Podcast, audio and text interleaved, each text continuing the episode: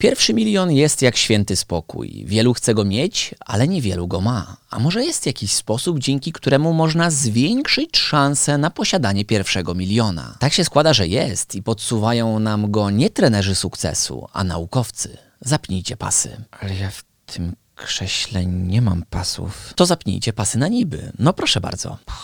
Serio? No dobrze. Klik. Oczywiście każdy wujek dobra rada doskonale zna przepis na pierwszy milion. No wiadomo, że pierwszy milion to trzeba ukraść, nie? Mówienie komuś, że pierwszy milion trzeba ukraść, to takie kradzenie, że pierwszą miłość trzeba siłą zaciągnąć do łóżka. No nie. I nie ma tutaj żartów. Tak samo w dążeniu do pierwszego miliona złotych, dolarów czy euro nie liczyłbym jakoś szczególnie na spadek ze strony jakiegoś bogatego krewnego z zagranicy, o którym nawet nigdy nie słyszeliśmy. To tak jakby liczyć, że nigeryjski książę, który akurat do nas postanowił napisać maila, faktycznie chce podzielić się swoimi wielkimi pieniędzmi, jeśli tylko opłacimy za niego koszty tej operacji, bo sam sobie z tym nie poradzi. No, jak dla mnie brzmi sensownie. I w końcu są jeszcze wszelkiego rodzaju loterie, lotta, zdrabki i podobnego typu ustrojstwa. Jednak próby stania się bogatym za sprawą loterii są trochę jak próby popełnienia samobójstwa poprzez kupowanie biletów lotniczych z nadzieją, że kiedyś jakiś samolot spadnie. Szanse na to są, jakby to powiedzieć, nie za duże. No ale ktoś jednak te loterie wygrywa, prawda? Tak, ale nie ty. Dlatego dzisiaj skupimy się na sposobie, który bardziej zależy od nas samych. Zanim go jednak poznacie, sprawdźmy o czym w tym tygodniu rozmyślał mój kuzyn. Przed wami Ładek i jego wołek łozmyślań. Żadna książka z rodzaju jak załobiłem milion dolarów nie rozpoczyna się od wyznania autora, że na początku swojej drogi przeczytał jakąś inną książkę w stylu jak załobiłem milion dolarów. Mhm, to prawda. A to właśnie w książkach obiecujących sukces, pieniądze i sławę dostaniemy całą litanię zaleceń, co powinniśmy zrobić. Na przykład wizualizować sobie, że mamy milion złotych na koncie i widzieć siebie milionerem w obecnej sytuacji. Mało tego, słyszałem kiedyś zalecenie, aby już teraz nawet zacząć żyć jak milioner. Czyli, że co? Mam wypożyczać na parę dni szybkie auta z wypożyczalni? Mam wydawać bezsensownie pieniądze na przykład na, nie wiem, o, na płacenie kolegom, aby robili jakieś durne wyzwania? To nie jest bycie milionerem, to jest bycie młodym polskim youtuberem. Poza tym analizy tego, jak żyje większość milionerów, pokazują nam, że nie szastają oni kasą na lewo i prawo, bo sporej części z nich nawet nie rozpoznalibyśmy w kolejce do kasy w Auchan. Może dlatego są milionerami. Dlatego spokojnie możemy odrzucić metodę życia jak milioner, by pewnego dnia stać się jednym. Jednak znacznie częściej ze strony przeróżnych guru sukcesu możemy możemy usłyszeć zalecenie, aby po prostu wyznaczyć sobie milion złotych za cel, a potem wszelkimi siłami do niego dążyć. W końcu, jak statek ma dopłynąć do portu, skoro nie wyznaczył sobie żadnego portu za cel podróży, prawda? No, Coś w tym może być, więc pójdźmy przez moment tym tropem i przyjrzyjmy mu się nieco bliżej. W takiej sytuacji milion złotych, dolarów czy euro jest czymś, co nauka nazywa celem zewnętrznym, a więc takim, który znajduje się gdzieś w świecie, a my chcemy go zdobyć. I tutaj się zatrzymajmy nad słowem chcemy. Naukowcy dobrze wiedzą, że czasami robimy różne rzeczy, na przykład pracujemy właśnie tylko i aż po to, aby zdobyć jakąś nagrodę zewnętrzną, na przykład pieniądze, awans czy pochwałę. Nazywają to zresztą ładnie motywacją zewnętrzną. Po drugiej stronie barykady mamy motywację wewnętrzną, która sprawia, że chce nam się coś zrobić nie po to, aby dostać coś z zewnątrz, ale dla jakiegoś uczucia, które przeżyjemy w środku, czyli w moim przypadku w radku. Jaką nagrodę mogę dostać z wewnątrz moich bebechów? Na przykład może być to satysfakcja, sprawdzenie siebie w trudnych warunkach, czy czysta przyjemność zrobienia czegoś. I teraz absolutnie najlepsze. Można tę samą czynność wykonywać z powodu motywacji zewnętrznej lub wewnętrznej, a świat nawet nie zauważy różnicy. Ale dla naszych mózgów różnica będzie fundamentalna. Przykład? Weźmy granie w szachy. Zazwyczaj wygląda to w miarę podobnie. Siedzi dwóch delikwentów przy drewnianym pudełku i rusza sobie drewnianymi figurkami. Zajmuje to wszystko masę czasu i wszyscy udajemy, że to coś bardzo poważnego, a wręcz nawet świadczącego o wysokiej inteligencji. Gdyby jednak zdarzyło się tak, że jeden z zawodników gra, bo za cel postawił sobie bycie szachowym arcymistrzem, co jest klasycznym celem zewnętrznym, jak nasz milion złotych, a drugi gra wyłącznie dla przyjemności rozgrywki, czyli jest motywowany wewnętrznie, to gdybyśmy przeskanowali mózgi obu funkcjonalnym rezonansem magnetycznym, to zobaczylibyśmy ogromną różnicę. Nasz sportowiec, który chce być mistrzem świata, mocniej używałby części nazywanej tylną korą zakrętu obręczy, a gość, który gra po prostu dla wewnętrznej satysfakcji, odnotowałby większą aktywność w czymś, co nazywa się w mózgu wyspą. To nie jest tak, że któryś z tych obszarów jest lepszy od drugiego, ale dobrze dzięki temu widzimy, że wykonywanie tej samej czynności, w tym przypadku granie w szachy, ale z różnych powodów zostawia swój ślad w działaniu naszych mózgów. No dobra, to która z tych dwóch motywacji będzie lepsza do tego, aby mieć milion złotych? Może gdybyśmy połączyli obie, to uderzylibyśmy z podwójną siłą, niczym nowy Persil Duo Caps o podwójnej skoncentrow- skoncentrowanej sile piorącej która zapewnia niezawodne pranie już w temperaturze 20 stopni. Serio? Teraz to musimy reklamować, jak o mózgu mówię? Czytaj, nie narzekaj, tak? Teraz Persil Duo Caps także w wygodnym opakowaniu z rączką.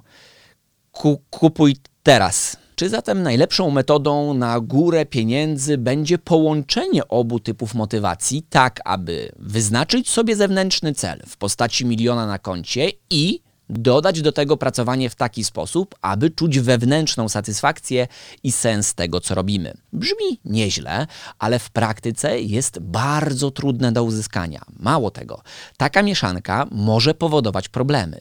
To jedno z najdziwniejszych zjawisk we współczesnej psychologii, e, które nauka nazywa efektem podkopania. O co w nim chodzi? Schemat jest stosunkowo prosty. Robisz coś przyjemnego, na przykład uczysz się coraz lepiej gotować Daje ci to sporo radości i satysfakcji, a do tego czujesz, że coraz lepiej to ogarniasz.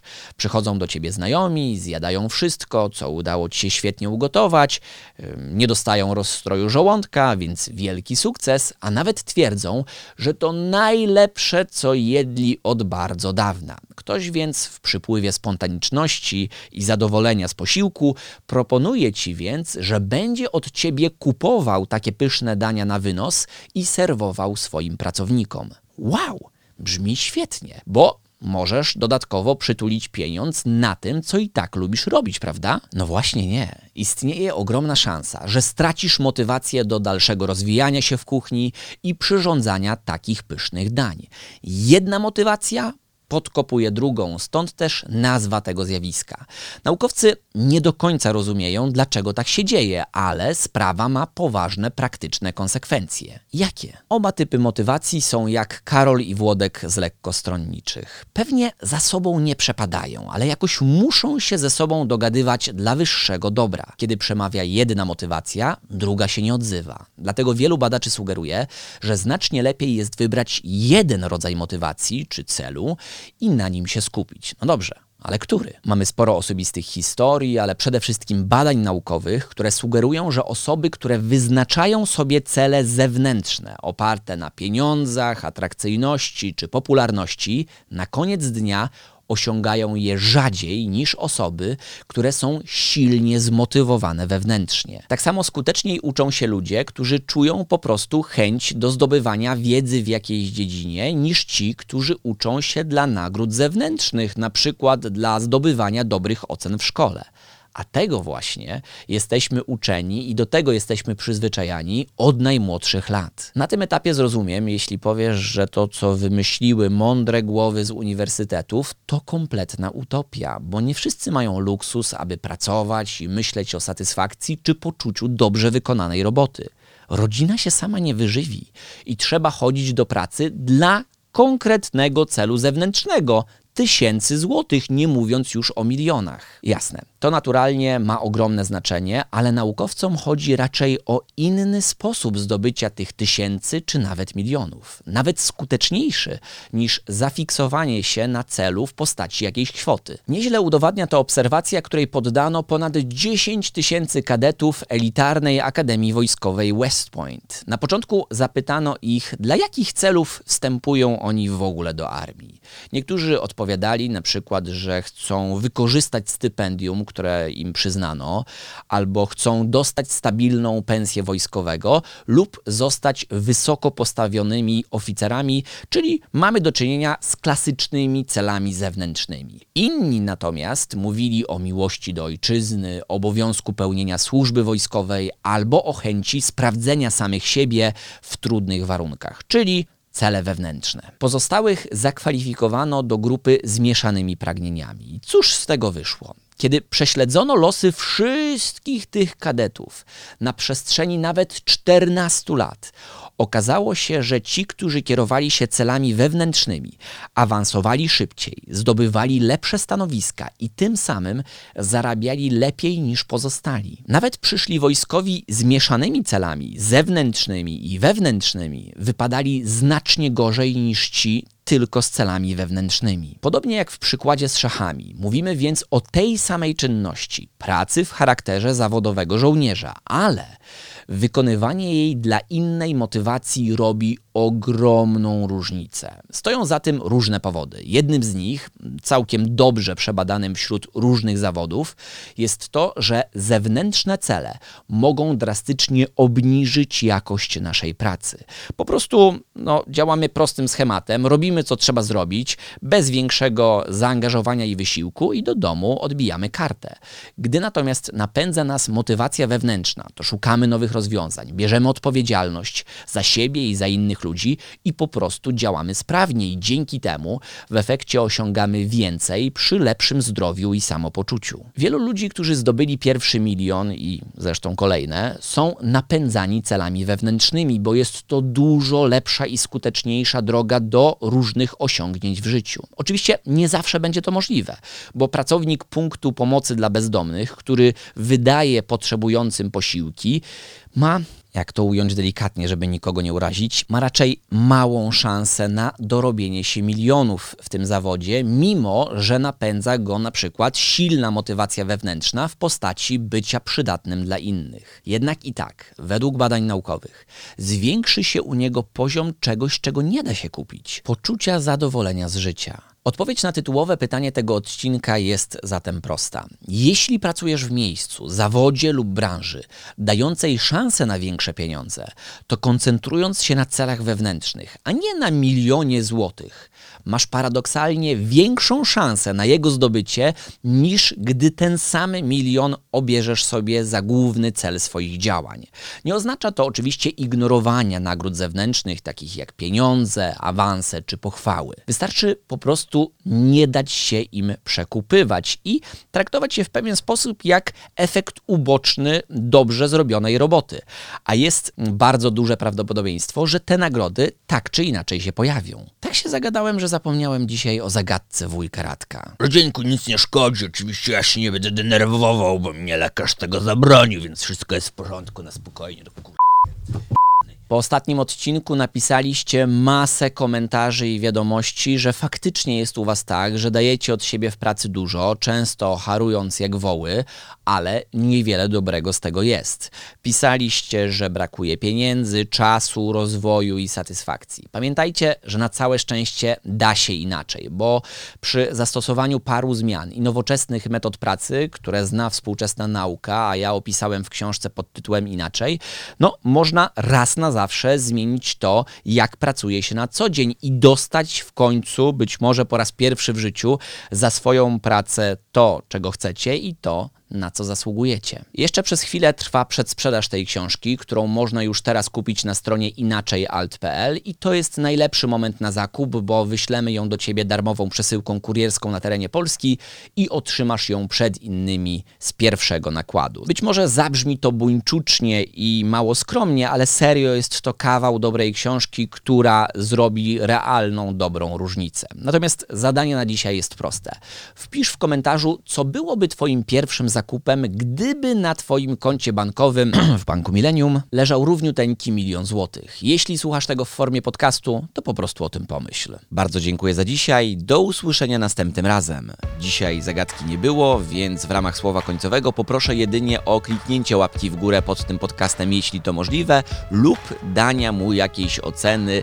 No, byłoby cudownie, gdyby raczej jednej z tych wysokich, oczywiście, o ile się podobało. Zapraszam do odwiedzenia strony inaczej.alt.pl, by nieco więcej dowiedzieć się na temat mojej książki i tego, w jaki sposób może Ci pomóc na co dzień. Dziękuję.